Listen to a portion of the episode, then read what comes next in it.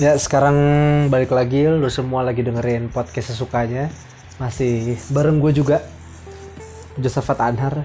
Iya iyalah. Emang mau siapa lagi yang mimpin di podcast buset orang di podcast punya gua. Ya, ya doainnya gue sih pengen sih sebenarnya wawancara beberapa orang cuma alat-alatnya belum memadai. Ntar kalau udah ada hepeng lebih gue ini dah apa namanya eh, gue coba bikin konten yang wawancara tapi sementara gini aja dulu. Ini udah malam sini gue rekam jam 11 sekarang. Gue jujur udah rada ngantuk dikit. Cuma ya memang kalau siang sama sore suasananya waktunya tidak memadai untuk tag podcast. Soalnya ya kalau siang gue kerja kan. Nah, sedangkan kalau sore itu biasanya gue baru balik istirahat dulu apa segala macem jadi gue baru bisa rekam malam nih. Oke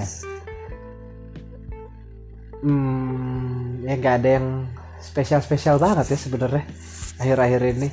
Tapi mungkin gue sedikit punya concern gara-gara berita yang gue baca hari ini. Jadi mungkin lu semua lu juga udah pada baca kali beberapa ya. Yaitu rencana polisi akan memberikan badge badge gitu. Jadi nanti lu kayak serif gitu punya badge kepada orang-orang yang melaporkan tindakan pidana di sosial media. Apakah ada yang salah? Apakah ini salah? Tidak. Sebenarnya pada dasarnya ini sebenarnya nggak salah. Karena ini bentuk apresiasi. Ini bentuk apresiasi. Yang jadi masalah dari ini adalah karena netizen kita ya kelakuannya ya lu tahu sendiri lah maksudnya kalau netizen kita itu cukup berakal sehat berotak dan berperi kemanusiaan mah gue nggak terlalu masalah. Masalahnya ini kan netizen kita ya ya kebanyakan bukan aristokrat ya kan? Nah, saya masih masih banyak kurang cerdasnya lah. Terus dikasih seperti ini ya makin semangat nih orang-orang kan? Nah jadi gua rasa sih situasinya belum pas sih. Soalnya gini gini, gini. Uh, nih ya ini gua gua gua, gua mau share sesuatu ke semua ini gue suka banget pemikirannya Adriano Calvi jadi sebenarnya masyarakat kita dalam berinternet itu udah kayak uh, warga kampung gebukin maling ayam udah kayak gebukin maling ayam jadi orang kampung gebukin maling lah. Ketika ada orang ketangkep maling gitu udah tuh nggak pakai banyak bacot nggak pakai mediasi nggak pakai apa langsung digebuk dihakimin di tempat. Mati mati kalau sampai mati ya udahlah. Tapi dihabisnya digebuk di tempatnya tapi melalui prosedur-prosedur apa yang berlaku gitu. Nah ya kalau kalau masih hidup mereka udah puas baru nanti biasanya udah ada yang, orang udah ada yang kasih baru udah udah udah udah, udah, udah cukup cukup cukup udah kita lapor ke polisi. Maksudnya kayak udah sama netizen kita juga dalam kasus-kasus seperti ini tuh kayak gitu. Ketika mereka menemukan sesuatu udah tanpa maksudnya mediasi tanpa apa segala macam langsung diserang. Langsung dibully langsung ditekan langsung dijudge langsung dihakimi tanpa dasar tanpa apa. Kayak udah langsung aja gitu. Ya, banyak lah contoh. Jadi uh, peran-peran polisi peran pihak yang berwajib peran negara di sini apa dong kalau kayak gitu? Kalah cepat sama netizen. Ya jadi sekarang semua tuh penanganan aja terjadi dulu baru ditanganin ada laporan dulu baru. Udah banyak lah contoh.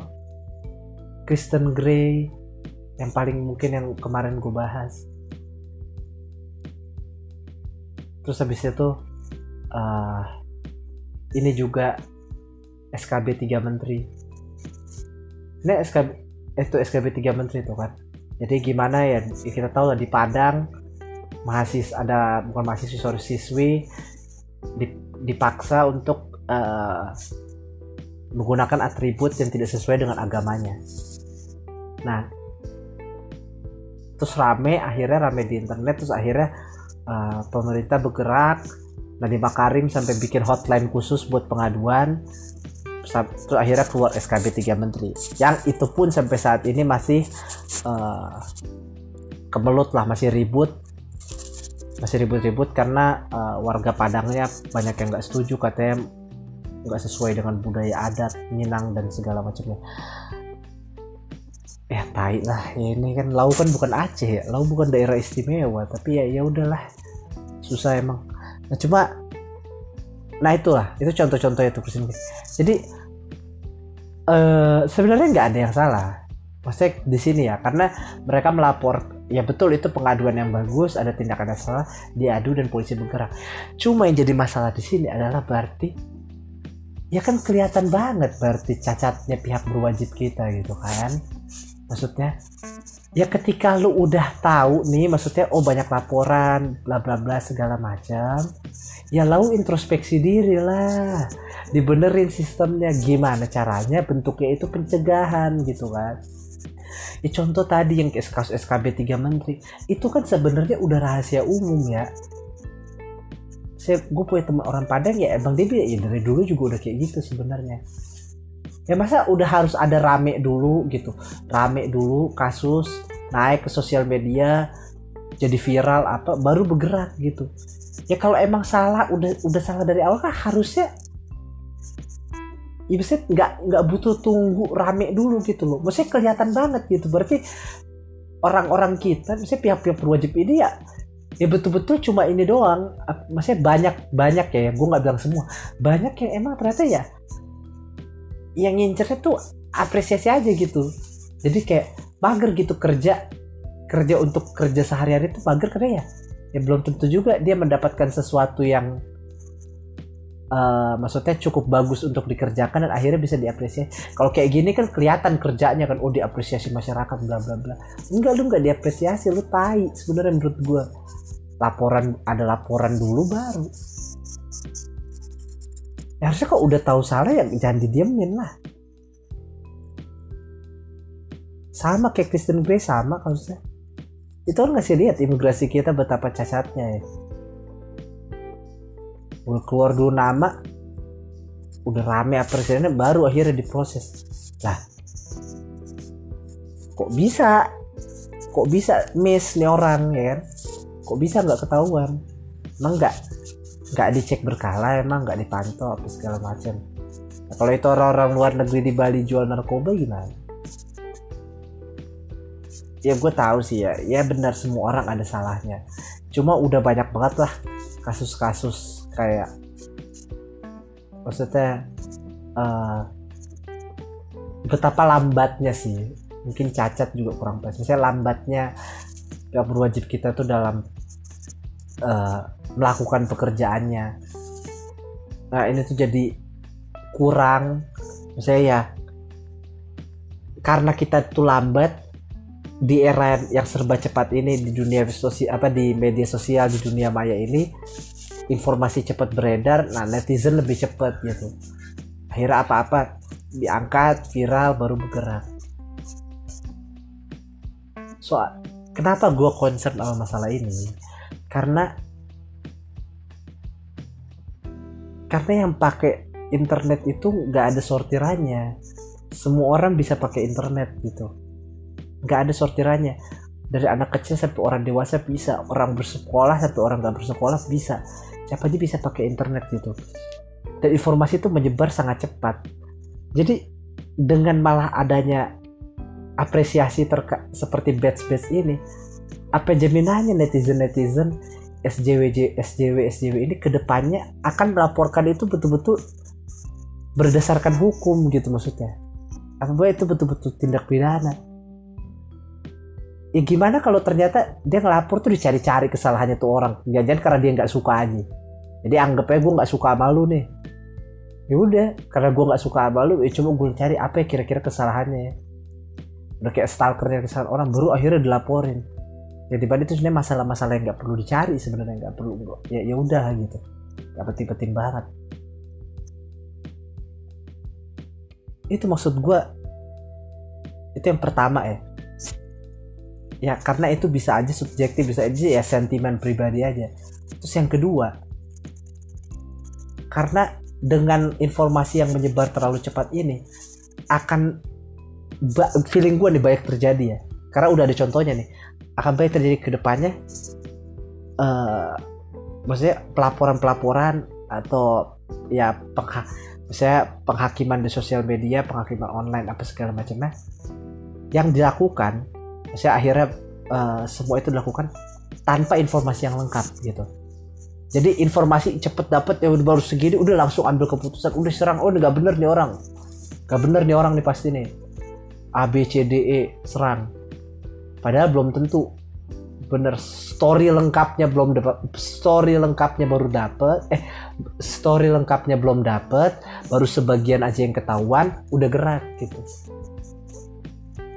Nah ini gampang nih contohnya. Yang baru buat kejadian kemarin dah. Nih. Dewa Kipas. Nasionalisme buta semua tai lah. Maksudnya uh, ya buat yang belum tahu, jadi ada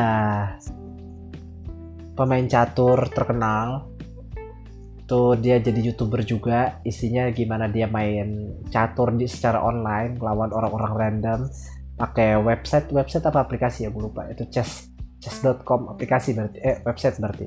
Nah dia ini nggak sengaja ketemu sama orang Indonesia nih. Ya random gitu kan. Terus kalah. Nah kalah terus si gua si uh, pemain catur terkenal ini namanya nama akunnya gue Tamches bilang kalau nih or, si orang Indonesia ini pakai uh, cheat wah ini curang dan segala macamnya. Hmm, terus rame. Terus akhirnya di banned lah si akun yang orang Indonesia ini. Itu cerita pertamanya. Jadi ini cerita belum lengkap. Netizen terus uh, anak dari si orang Indonesia ini uh, bikin post di FB akhirnya netizen jadi viral netizen Indonesia rame bla dan nyerang si Gotham Chess ini. Wah apalagi namanya wah lu nggak terima kalah lu bla bla bla segala macam buat ah ini apa namanya lu nggak tahu orang Indonesia bla bla bla bla ini segala macam nah saya bikin malu lah. Bikin malu lah maksudnya kayak oh ya lu tau lah netizen Indonesia kalau udah ngamuk kayak gimana ya. Bikin malu lah. Nah terus ternyata setelah di di didalamin apa segala macam ya ya bukan orang-orang tuh semua mikirnya. Jadi uh, opininya itu diarahkan kalau jadi ketika Gotham Chess ini kalah dia bilang kalau ini curang fans-fansnya dia itu fans-fans si Gotham Chess ini pada nge-report akunnya si Dewa Kipa. Terus akhirnya akunnya jadi di banned padahal nggak gitu. Menurut uh, chess.com jadi chess.com juga bikin pernyataan resmi bahwa uh, mereka tuh nggak banned tuh nggak dari report orang. Mereka tuh nggak banned dari uh, jadi mereka punya AI untuk ngedeteksi terkait uh, permainan akun seseorang gitu. Dan memang baik dari chess.com maupun dari percasi persekutuan eh persatuan catur se Indonesia itu menyatakan hal yang sama bahwa memang aktivitas akunnya si orang Indonesia ini namanya Pak uh, nama akunnya Dewa Kipas itu tuh nggak wajar gitu. Maksudnya eh, nggak uh, manusiawi lah. Kayak seorang grandmaster aja yang jelas-jelas pecatur tingkat dunia aja belum tentu bisa mainnya seperfect itu gitu. 27 laga beruntun kemenangan dengan tingkat akurasi langkah di atas 95% semua. Maksudnya nggak manusiawi gitu. Maksudnya ya ini curang baik percasi maupun chess.com-nya gitu. Ya kan akhirnya sebenarnya kan berarti si Gotham Chess gak ada yang salah dengan itu ya. Cuma kita semua kayak tai aja kelakuannya sih netizen-netizen yang komen tuh. Fanatisme buta ya semua. Nah itu yang maksud gue, gue bahas tadi. Uh, kadang informasi didapat cuma setengah, langsung rame, langsung menghakimi, ya nanti dengan adanya batch batch ini langsung lapor. Kayak misal uh, ada video menyebar gitu kan video apa tersebar itu cuma cuplikan doang langsung uh, orang-orang ramein terus akhirnya polisi padahal sebenarnya di balik itu kalau ada cerita lengkapnya belum tentu seperti itu gitu kejadiannya so uh, gue juga nggak tahu sih sebenarnya solusinya gimana. Cuma menurut gue jelas uh, ini bukan langkah yang tepat sih. Ya kalau langkah yang paling tepat adalah ya sebenarnya uh, pihak yang berwajib ini perlu nge-review lagi gitu. Ngelihat lagi. Ya introspeksi diri lah muasabah diri anda semua. Apa yang perlu diperbaiki gitu? Kenapa nih kita kalah cepat apa netizen kenapa apa eh, selama ini ya laporan dulu baru kita kerja. Berarti kan ada fungsi pemantauannya yang kurang kan? Itu maksud gua. Karena uh, apa? Kalau dibiarin terus kayak gini akhirnya masyarakat di sosial media ini makin besar makin besar pengaruh tanpa ada betul-betul hukum yang mengatur. Pagar hukum yang mengatur atau apa? Ya udah kalau kayak gitu lama kelamaan juga uh, apa ya? Untuk di dunia untuk di media sosial lama kelamaan juga hukum udah nggak berlaku lagi gitu maksudnya. Ya udah biarin aja masyarakat menghakimi sama masyarakat ya masalahnya kan karena nggak ada nggak ada hukumnya itu kalau masih mau menghakimi sama masyarakat apa uh, jadi kita nggak ada nggak ada parameter ganjala ganjarannya gitu dan jangan cuma karena orang begini aja oh langsung dibully dibully apa bla bla bla di report report sampai blok akun apa segala macam yang padahal sebenarnya mungkin itu bukan masalah yang cukup besar untuk sampai segitunya dibahas gitu. Ya makanya baik lagi sih ya gue juga mengajak kita semua ya. Ya pintar-pintar lah bersosial media pintar-pintar lah di dunia maya gitu. Ya benar tuh akun lu benar. Iya tuh akun lu emang. Ya, suka-suka gue dong bang jangan ngatur bla bla bla. Ya, ya iya tuh akun lu. Cuma apa namanya uh, itu kan lu di situ kan ya dengan akun lain juga lu bersosialisasi dengan akun lain dengan orang lain. Ya tolonglah pinter-pinter gitu cerdas-cerdas jangan bikin malu diri lo sendiri gitu. Terus sama kayak yang tadi juga please cari tahu dulu lengkap segala sesuatunya. Jadi jangan langsung buru-buru bergerak apa pun yang terjadi. Jadi ya cari tahu dulu kalau emang lu udah lengkap udah apa baru silahkan berkomentar gitu. Jangan apa lagi namanya langsung buru-buru menghakimi seseorang tanpa tahu cerita lengkap di belakangnya gitu.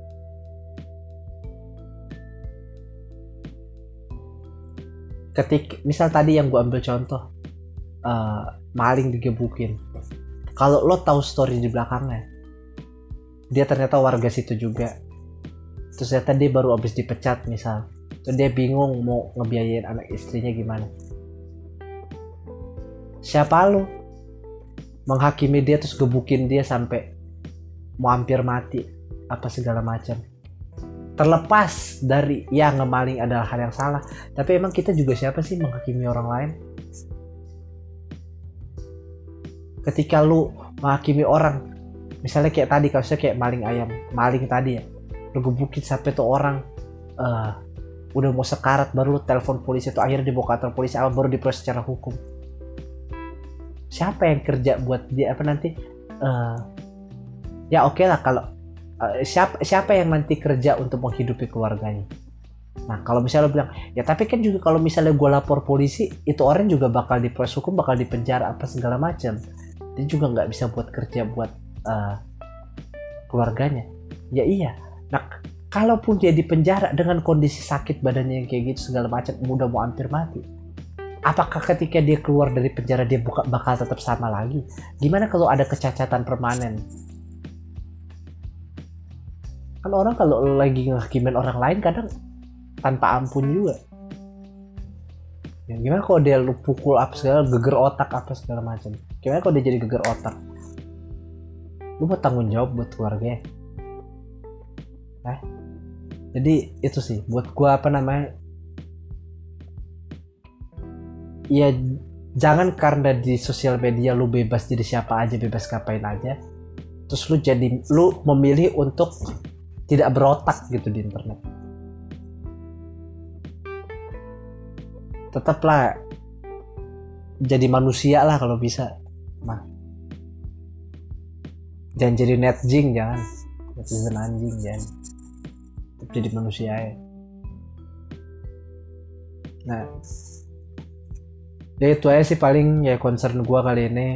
Uh, ya gue langsung masuk aja ke segmen selanjutnya. Ya aku tidak akan lelah-lelah untuk mengajak kalian sekali lagi. Tolong kalau lo punya feedback atau lo punya saran topik atau lo punya pertanyaan atau lo pengen atau apa pun itu supaya ayolah supaya durasi podcast ini bisa lebih lebih lama lagi lebih banyak yang bisa gue omongin. Bebas apa aja feedback saran kritik uh, mau lu mau nanya lu mau apa namanya lempar topik atau apa lu bisa kirim ke email anharinyo@yahoo.com a n h a r anhar i n h o info anhar info anharinyo at yahoo.com nah ya kali ini nih gue langsung ke ini aja ya. Sebenarnya bukan pertanyaan sih. Ya kali ini bukan dari uh, email tapi ada temen gue jadi kan gue share tiap kali gue nge ngepost podcast di Spotify ini kan gue pasti share kan di IG gue ya buat ya silahkan check it out gitu dengerin. Nah jadi ada teman gue nih eh, senior gue sih lebih tepatnya. Itu dia nanya ke gue terkait apa pendapat gue tentang dia tentang gini nih. Uh, apa sih orang-orang yang nyinyir lah? Dia bilangnya sih orang-orang yang humble palsu gitu. Humble palsu orang-orang nyinyir tuh maksudnya kayak gini. Lo pasti punya nih teman kayak gini. Uh, misal lo beli beli sepatu misalnya. Eh jangan, jangan misal lo beli boba. Boba yang bagus. Sing futang misalnya. Terus lo pulang ketemu temen lo ketemu temen lo eh apaan tuh? Minuman. Oh ini minuman gue baru beli tadi berapa belas sing futang. Oh iya berapaan? Segini harga sih futang kan mahal kan? Oh terus yang langsung komen kayak gini. Ngapain sih lo bong-bong duit gitu? Apa namanya uh, duit bisa lo pakai buat A B C D lo bisa kasih anak yatim bla bla bla. Misalnya kayak uh, kita jadi orang tuh uh, langsung ceramah gitu. Wah udah yang humble humble gitu lah ya itu maksudnya jadi. Nyinyir nyinyir kayak gitu. Nah orang-orang kayak gini nih ya menurut gue itu satu golongan sama ini segolongan sama orang yang uh, mau sombong tapi nggak mau ngaku. Ah. Jadi eh eh ya orang-orang yang sombong atau orang-orang juga yang mau ceritain orang mau gunjing tapi nggak mau ngaku. Yang pasti openingnya kayak gini kalau ngomong. Jadi kalau sombong dia bakal gini. Eh bukannya gue mau sombong nih. Nah bukannya gue mau sombong nih. Tapi abis itu isi sombong. Kan berak ya. Sama kalau mau gunjing juga eh gue nggak tahu sih. Ini bukannya gue ngomongin orang gue juga kurang tahu nih. Tapi gue dengar dengar abis itu ngomongin orang. Sama segolongan nih orang-orang yang kayak tadi tuh yang ah buat apa sih lu kayak gitu-gitu yang nyinyir-nyinyir kayak gitu? Sama segolongan tuh buat gue iya buat gue sih orang-orang kayak gini ya opsi pertama dan yang paling rasional ya kalau itu bukan sahabat lu mah ya udah mending gak usah ditemenin. Iya lu cari teman lain aja dah anjing. Yang lebih pinter dah yang lebih eh, berotak lah. Yang gak nyinyir anjing. Nah itu yang pertama dan gue tapi kalau nih emang sahabat lu apa segala macam mungkin lo bisa nasehatin. Atau ya udah kalau enggak ya emang gak usah dianggap aja masuk kuping kiri keluar kuping keluar kuping kanan aja tapi terlepas dari itu ya si senior gue ini kan ngasih contohnya kayak gitu ya. Mungkin dia punya teman yang suka komentar kayak gitu kali. Komentar kayak ah buat apa sih lo gini gini gini gini. Padahal tuh mending bisa di gini giniin gitu kan. Kayak tadi template gitu.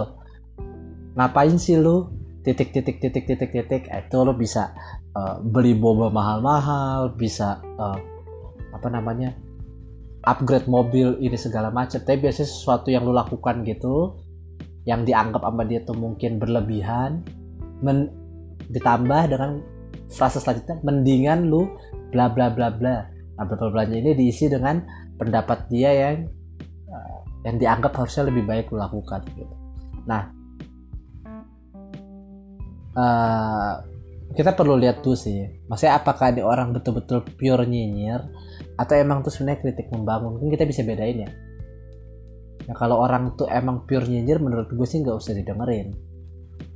Karena apa aja yang kita lakuin pasti dia bakal ada ya komentar negatifnya emang nyinyir ya tapi kalau dia emang dia kritik membangun ya jangan-jangan lu emang udah berlebihan gitu ya jangan lu duit lu cuma seberapa tapi maksa beli sing futang pantesan temen lu komen ya buat apa sih beli sing futang ini kan? Ada jadi tuh kritik membangun coba lu lihat lagi gitu. Nah. Itu yang pertama. Yang kedua adalah biasanya orang yang kayak gitu itu karena dia itu punya tekanan jadi dalam kehidupannya. Ya mungkin karena kalau contohnya yang tadi misal beli sing futang segala macam mungkin dia punya tekanan ekonomi gitu jadi dia nggak bisa mungkin dia nggak mampu afford itu. Jadi mungkin dia orang yang uh, apa ya makan sehari harinya juga ngepres atau apa segala macam ngepres gitu kurang duitnya. Jadi ketika ngelihat orang tuh ngeluarin duit sebanyak itu buat uh, hal-hal seperti minuman boba boba jadi dia jadi ya offended gitu maksudnya kayak buat apa sih? segala macamnya. Ya nggak ada yang salah sebenarnya. Ya lu lu nggak salah juga beli sing futang dan ya dia mungkin tuh frustasinya dia ya. Coba lu cari tahu lu kenalin temen lu lebih lagi gitu. Kalau emang bener karena itu kondisinya ya lu rangkul lah. Ya itu mungkin wujud frustasi wujud tertekannya dia gitu. Ya kita juga jadi orang kadang nggak bisa juga langsung ya apaan sih lu anjing? Suka-suka gua. Ya emang benar suka-suka lu minuman-minuman lu. Cuma ya lu bisa lu coba pikirin kenapa kira-kira orang ngomong kayak gini gitu? Nah maksudnya ya kalau itu emang temen lu ya kita coba kan sebisa mungkin juga untuk menciptakan lingkup pertemanan yang sehat kan? Kalau lu tahu dia susah gitu atau apa ya lu kita sebisa mungkin kan ya jangan apa ya maksudnya uh, bukan mau pamer sih tapi kalau emang kita melakukan sesuatu kita beli sesuatu yang barang mahal atau apa ya, atau sejenisnya ya jangan terlalu terang-terangan di depan dia. Nanti kan takutnya ya itu ofensif atau apa. Ya kita berusaha ngerti lah. Cuma nah, kalau emang ternyata itu pure nyinyir aja emang apa aja yang lo lakuin dianggap salah sama dia ya itu mending mah gak usah ditemen dia ya, ya, jadi udah sih baru itu aja. Ada orang nanya ke gue baru baru itu aja tuh. Makanya uh, mudah-mudahan yang menjawab mudah-mudahan juga ya lu bisa menentukan circle pertemanan lu lebih baik lagi ke depannya. Ya buat lu pada yang ngedengerin ya gue tunggulah juga email-email dari lu pada. Ya, atau komen di IG gue juga boleh kirim ke DM IG juga boleh oke. Uh, sekian dulu buat hari ini. Sampai ketemu di podcast podcast edisi selanjutnya